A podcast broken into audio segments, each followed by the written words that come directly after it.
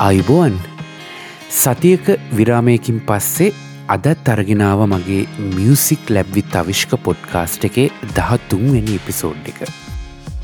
මේ එපිසෝඩ් එකින් මම තවත් රසබර ගීතයක් අරගෙනාව ඔබත් එක්කේ ගීතයේ රස බෙදා හදා ගන්න. ගිය සතිය මොකද උනේ කියල සමහරවිට ඔබ දන්නවා ඇති. නොදන්න අයගේ දැනගැනීම පිණිස මං කියන්නම් මගේ අලුත්ම ගීතය පද ගිලිහුණු ගීයක්. ගීතය මම රිලිස් කලා මගේ YouTube චැනල් එක ඇතුළු සීලුම ඩිජිටල් මීඩිය හරහා. තාමත් ඇහුවේ නැත්නං ඔයට මගේ YouTube චැනල් එකින් මේ ගීතය අහන්න පුළුවන්. ඒවගේම සෞන්කලව් Apple Music Spotify ඇතුළ සියලුම ඩිජිටල් මීඩිය හරහා ගීතයේ ඕඩියෝ එක රසවිඳීමේ හැකියාවත් ඔයාට තියෙනවා. ඉතින් අහල බලන්න. අහල මට ඒ ගැන ඔයාගේ අදහසත් කියන්න. ඒ අදහස් බෙදාගන්න කියලා බොම ආදරයෙන් මතක් කරනවා. පද ගිලිහුණු ගීයක් මසිත ලැගුම්ගෙන පද සෙව්මට මෙන් දොට මළුවීලා කුමක් කියනුමා කෙලෙස කියනුමා මහද ගීතයේ තනුව නුබ වූවා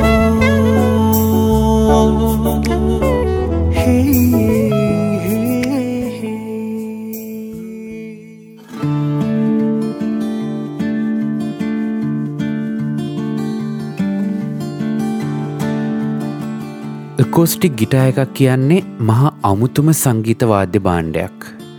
ගීතයක රහ අවුස්සන්න ඒක හරිම සරලව තව කෙනෙක් එක්ක බෙදාගන්න තනියම තනිකම පාලූ මකාගන්න විනෝද ගමනක් ගියාම හැමෝම එක්ක සතුටුවෙන්න තනියම ඉන්න වෙලාවක කෑගහලා ගීතයක් ගායනා කරන්න අපිට හරියට උපකාරී වෙන ඉත මිහිරි නාදයකින් යුත් සංගීත බාණ්ඩයක් තමයි ගිටා එකක් කියන්නේ.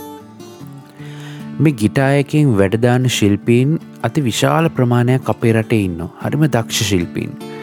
මම නම් වශයෙන් සඳහන් කරන්න යන්න හැ ඒත් අපේ සංගීත ශේත්‍රය ඉන්නවා මේ විදිහට අපිට මිල කළ නොහැකි ගිටා මැනික්.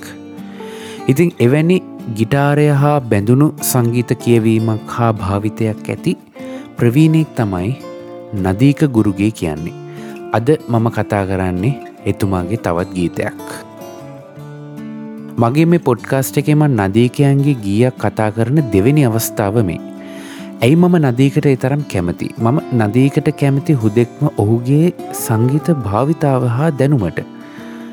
මම ඔහුගේ බොහෝ සම්මුඛ සාකච්ඡා ඔහු කතාබහ කරන අවස්ථා දැකල තියෙනවා අහල තියෙනවා ඒ බොහෝ අවස්ථාවල මම ඔහුගේ බොහෝ අදහස් සමඟ එකඟ වුණත් මං අවස්ථා ගණනාවකදී ඔහුත් එක එකඟ නොවෙන්නේ ඔය රියලිටි ෂෝවල ඔහු ලබා දෙන අදහස්වලදි පමණයි. නදීකගේ සංගීතය හැමෝටම නෙවෙයි නිසා හා නදීක කියන්නේ කවුද කියලවත් දැනගන්න නදීක එලියට ආ යුතු කාලයක් තිබ්බා. මමිතන්නේ නදීක ඒ විදියට රියලිටි ෂෝ එකක් හරහාවත් කමර්ශල් උන එක හොඳයි ඒ කමර්ශල් වෙන්න ගීත නිර්මාණය කරනවට වඩා. එ කොහොම වනත් අද මම කතා කරන්නේ ඔහු සංගීතවත් කර ගායනා කරන හිතක් තිබුණා ගීතය ගැනයි. මෙහි පදරචනය චාමින්ද රත්න සූරිය.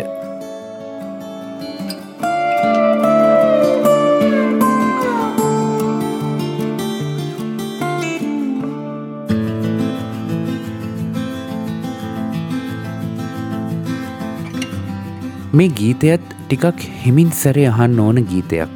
ඔබට ඇහෙන්න මේ ගීතය පුරාම ප්‍රධාන කොටගෙන කෝස්ටික් ගිට එකක් පමණයි. ගීතයෙන් කියවෙන්නේ ප්‍රේමේ නිසා රිදුණු දැවුණු යව්වන සිතක් ගැන. ගීතයේ හාරා උස්සල කතාබහ කරන්න මහාලොකු ගැඹුරු අරුතක් නැතත් මම මේ ගීතය තෝරාගන්න හිතුවේ එකක් මේ ගීතේ ගිටා භාවිතාව මම හරිම රසවිඳපු තැන් කිහිපයක් දුටුව නිසා. ඒ කියන්නේ කොහොමද ගීතයේ ප්‍රකාශනය නිස්මතු කරන්න ගිටා වාදනය උපයෝගී කරගන්න කියන එක. දෙවැනි කාරණාව මේ ගීතවලට ඉන්න හරිම සීමිත රසිකයම් පිරිසක්. මේවාර හැමවෙලේම අපිට ඇහෙන්නේ නැති සින්දු.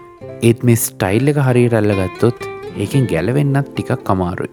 මේ ගීතේ ස්ථායි කොටස එක මෙලඩිය එකක් අන්තරා කොටස් දෙක තවත් මෙලඩිස් දෙකක් එක ඇන ගීතය පුරාම අපිට ඇහෙන්නේ එකිනිකාට වෙනස් මෙලඩිස් එම වෙනසකට යන්න ප්‍රධාන හේතුවක් මම දැක්කා. එතමයි නදීක ගුරුගේ මේ ගීතය වචනවල අර්ථය ඉස්මතු කරගන්න මෙලඩියක වෙනස් කරන්න කොහොමද කියන කාරණාව. හිතක් තිබුණා මටත් පෙම් කරනා හිතන්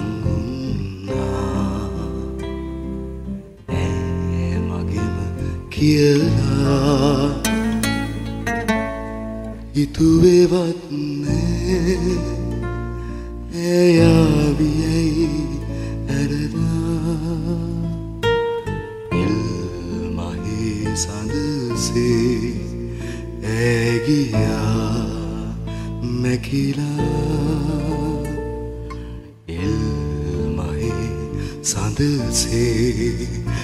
ඇගියා මැකිලා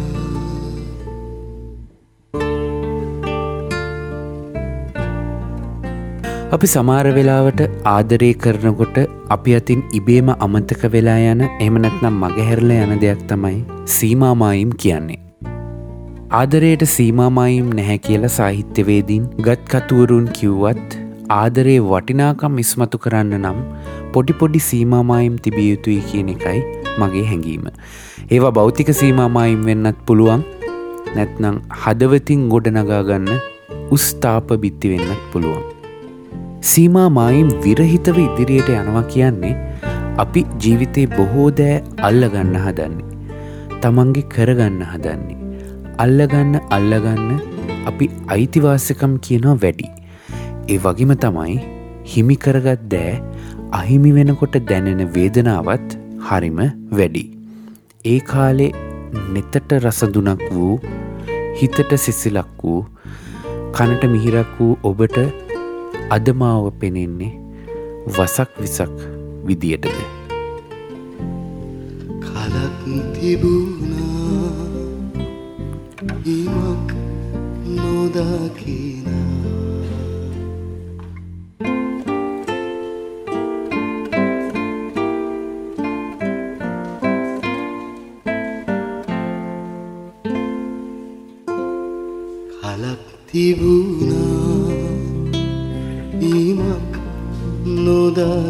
නොදකිනා අනත්වයක පහස සොයනා අද පසක් විසක්සේ දැනුනාට ඔබටම අද වසක් විසක්සේ දැනුනාට ඔබටම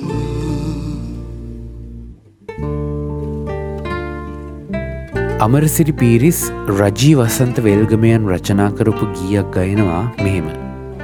රාත්‍රිය සිරගයක් අන්ධකාරය රුදුරු දඩුවමක් ප්‍රේමයේ වරද කළ පරාජිත පෙම්වතුනි නුබලාට රාත්‍රිය සිරගයක් අන්දකාරය රුදුරු දඩුවමක් කියලා.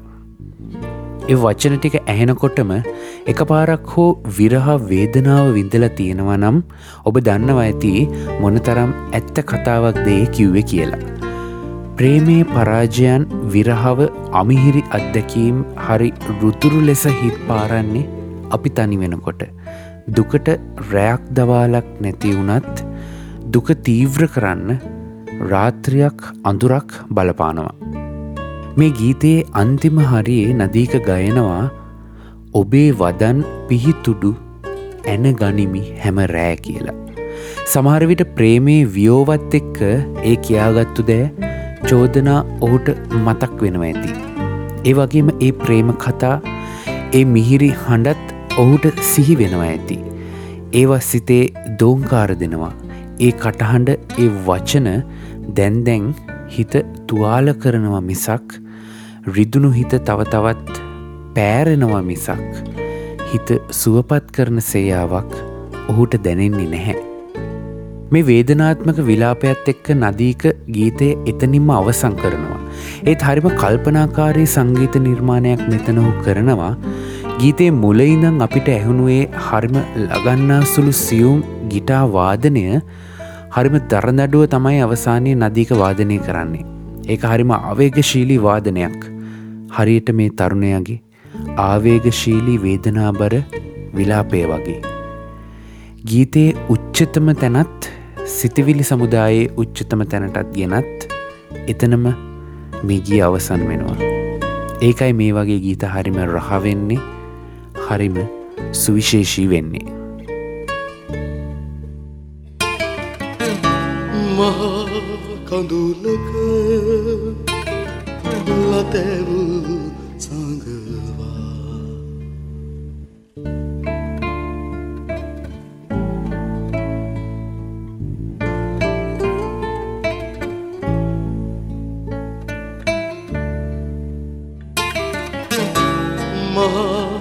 කඳුලක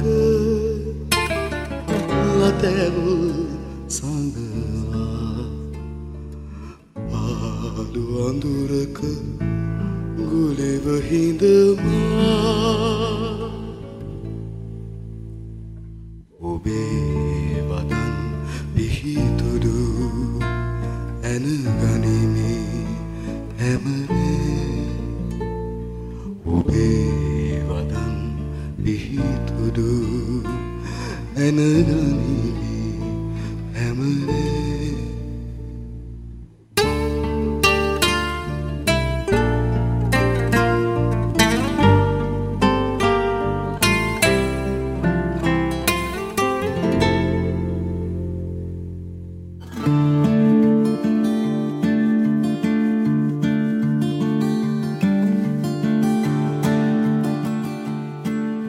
ඉතිං ඔබට යම් වෙලාවක් තියෙනවා නම් නදීක මේ ගිය සජීවීව ගායනවා බලන්න.